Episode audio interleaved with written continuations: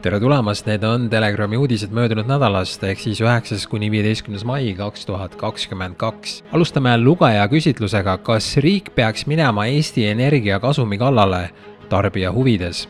esitasime esmaspäeval oma lugejatele küsimuse seoses Eesti Energia röövellikest hindadest tingitud rekordkasumiga ja tervelt üheksakümmend kaks protsenti vastanutest leidis, et riik peaks Eesti Energia kasumi arvelt madaldama elektri hinda tarbijale vaid seitse protsenti leidis, et riik peaks leidma muu võimaluse elektri hinna langetamiseks ja üks protsent arvas, et Eesti Energial on seda raha tegutsemiseks vaja ja üks protsent ei osanud öelda, kuidas riik peaks selles küsimuses toimima. ilmus dokksarja Enami vaiki, koroonavaktsiin rikkus mu tervise teine osa TV3 eetris oli kolmandal mail kolme dok Enami vaiki, koroonavaktsiin rikkus mu tervise mis vaatles eestlasi, kelle elu on koroonavaktsiini süstide järel drastiliselt muutunud. kümnendal mail ilmus interneti ka saate teine osa, kus rääkis oma kogemusest koroonavaktsiini kõrvaltoimetega teiste hulgas ka TTÜ lektor ja immunoloog Sirje Rüütel-Budinoo muide, vaktsiinide kõrvaltoimete vastu tunneb huvi ka geenivaramu, oodates uuringul osalema nii kõrvaltoimeid kogenud kui ka kõrvaltoimeid mitte kogenud inimesi. teadmised kõrvaltoimete tekkimise geneetilistest põhjustest aitavad tulevikus tagada ohutumat ja tõhusamat ravi, teatab geenivaramu oma kodulehel. Kui juba geenivaramu vihjab, et vaktsiinid ei pruugi universaalselt sobida kõigile, siis millal lõpetavad koroonasüstide ohutuks tembeldamise meie staararstid huvitav pööre, Kaja Kallas soovib vaktsiinitootjate orjalepingutest taganeda. Kaja Kallas on teinud koos teiste Balti riikide peaministritega Euroopa Komisjoni presidendile Ursula von der Leyenile pöördumise, et pääseda koroona haripunktis tehtud vaktsiinitellimuste karmidest tingimustest kallis Ursula, me märgime murega, et liikmesriigid seisavad silmitsi uue väljakutsega, milleks on vaktsiinide ületootmine ja ülevarustamine kirjutavad ühispöördumises Balti riikide peaministrid. avalduses märgitakse, et tarned riikidesse jätkuvad, kuid huvi vaktsineerimise vastu on väike. see seab surve alla mitte ainult logistika ja ladustamisvõrgud, vaid tähendab ka mõjusid eelarves tänase seisuga on Eestis manustatud circa kaks miljonit doosi vaktsiini, aga Eesti on kokku tellinud circa kuus koma seitse miljonit doosi vaktsiini kus ladustatakse, millal saabuvad ja kellele on kavandatud ülejäänud neli koma viis miljonit doosi, on kriitilise mõtlemisega inimesed küsinud juba ammu. Kaja Kallas mõtleb nüüd sellele, parem hilja kui mitte kunagi, jah? kui Euroopa Liit tegi Eesti eest ära otsuse tarnida siia miljoneid vaktsiine ja panna riik nii-öelda orjusesse, siis see on kriminaalne ja asjaga seotud isikud tuleb võtta vastutusele kui Kaja Kallas ja Co paluvad Ursula von der Leyeni paremaid koroonaorjuse tingimusi, siis juba veebruaris tegid palju julgema avalduse vabadust armastavad Euroopa Parlamendi saadikud. kuueteistkümnendal veebruaril toimunud pressikonverentsil, kus räägiti avameelselt koroonapettusest ja nõuti Euroopa Komisjoni presidendi von der Leyeni viivitamatut tagasiastumist. saadikute hinnangul on koroona ajaloos suurim poliitiline pettus ja organiseeritud vandenõu FDA kitsendab järsult Johnson ja Johnsoni Covid-19 vaktsiini kasutamist. USA Toidu- ja Ravimiamet FDA on piiranud Johnson ja Johnsoni ehk Jansseni ühekordse Covid-19 vaktsiini kasutamist täiskasvanutel otsus tehti pärast seda, kui amet avaldas trombotsütopeenia sündroomiga tromboosi tekke uuendatud riskianalüüsi. arvestades nimetatud sündroomi tõsidust ja kiiret kulgu ning teiste Covid-19 vaktsiinide kättesaadavust, otsustas FDA, et Johnson ja Johnsoni ühe süstiga piirduva vaktsiini Covid-19 kaitsest saadav kasu kaalub üles riski ainult neile, kes ei saa või ei soovi teha kordussüste nõudvaid mRNA vaktsiine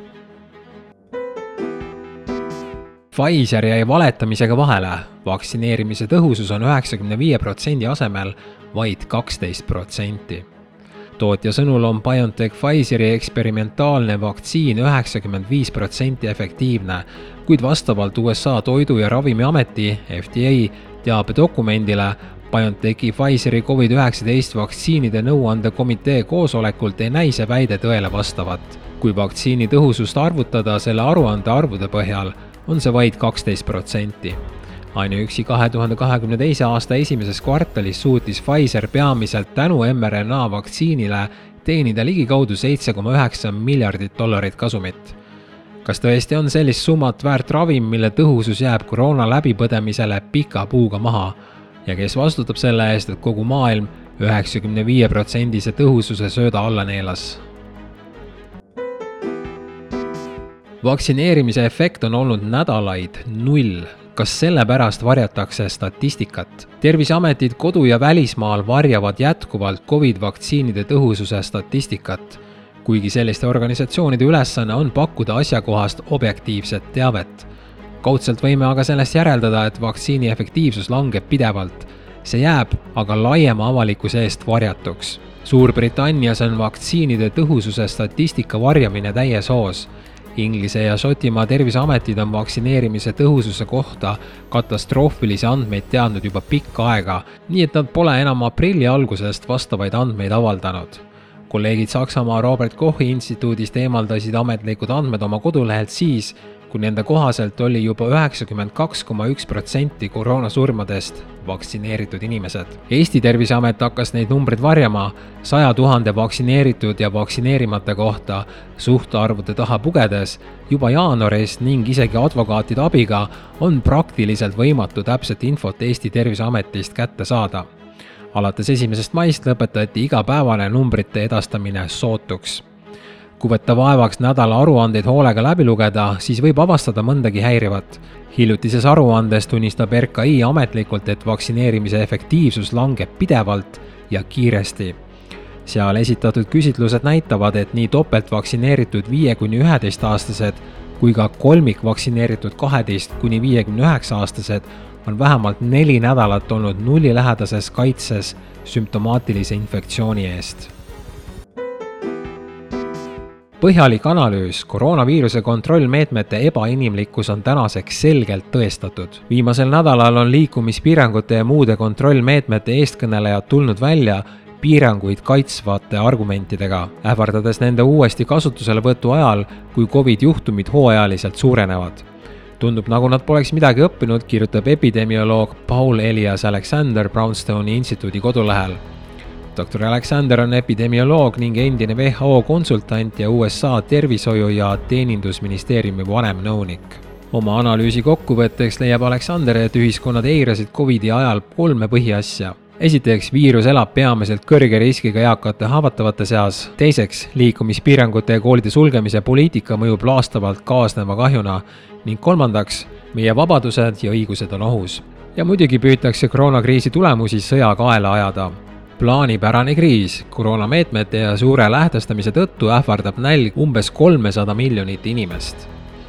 peavoolumeedia tunneb praeguste katkenud kauba- ja tarnevoogude ning ülemaailmse tarnepuuduse oletatava põhjusliku ahela osas vaid lihtsat loogikat. kõik see on tingitud Ukraina sõjast, olles paratamatus Venemaa vastaste sanktsioonide tagajärjel ning loomulikult ennenägematust pandeemiast mis meid viimased kaks aastat kimbutas. süüdlased on selgelt tuvastatud.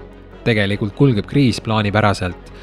meil on sõda käimas Ukrainas, mis otseselt mõjutab nii meie majandust kui inimeste toimetulekut. meil on tõepoolest suur inflatsioon, meil on energiakriis ja tõenäoliselt sügisel võib-olla naaseb ka Covidi kriis ja sellega seoses see tähendab, et meil on ka vahendeid riigieelarves vaja rohkem kui kunagi varem, ütles neljandal mail Riigikogu infotunnis peaminister Kaja Kallas sõjal ja sanktsioonidel on suurele osale maailmast üha katastroofilisemad tagajärjed, rääkis hiljutises intervjuus väljaandele Bild Saksamaa arengu abiminister Svenja Schulze. ta ütles, et praegu ähvardab kõige hullem näljahäda pärast teist maailmasõda miljonite surmajuhtumitega, sest koroona, äärmuslikud põuad ja nüüdne sõda on tõstnud toiduainete hindu kogu maailmas kolmandiku võrra ja on praegu rekordtasemel maailma Toiduprogramm oletab, et tegelikult ähvardab palju rohkem kui kolmesadat miljonit inimest nälg ja nad peavad oma prognoose pidevalt üle vaatama. ja lõpetuseks, telegram.ee-l on nüüd Twitteri konto. faktikontrollijatele ei meeldi, et Elon Musk ostis Twitteri ära, seega asjade loogilise jätkuna avas Twitteris konto ka telegram.ee lisaks soovime omal nähal kogeda, kas kuulujutud sellest, et Twitteris saab nüüd nii-öelda vaba sõna kants, vastavad tõele või ei. on ju nii laiatarbemeedia kui ka paljud sealsed arvamusliidrid avaldanud pahameelt, nagu näiteks Bill Gates, et nüüd võivad jutumärkides libauudised jälle levima hakata ja palju kahju teha. või et nüüd on trollid tagasi. huvitav, et enne koroona ajastut nimetati seda lihtsalt sõnavabaduseks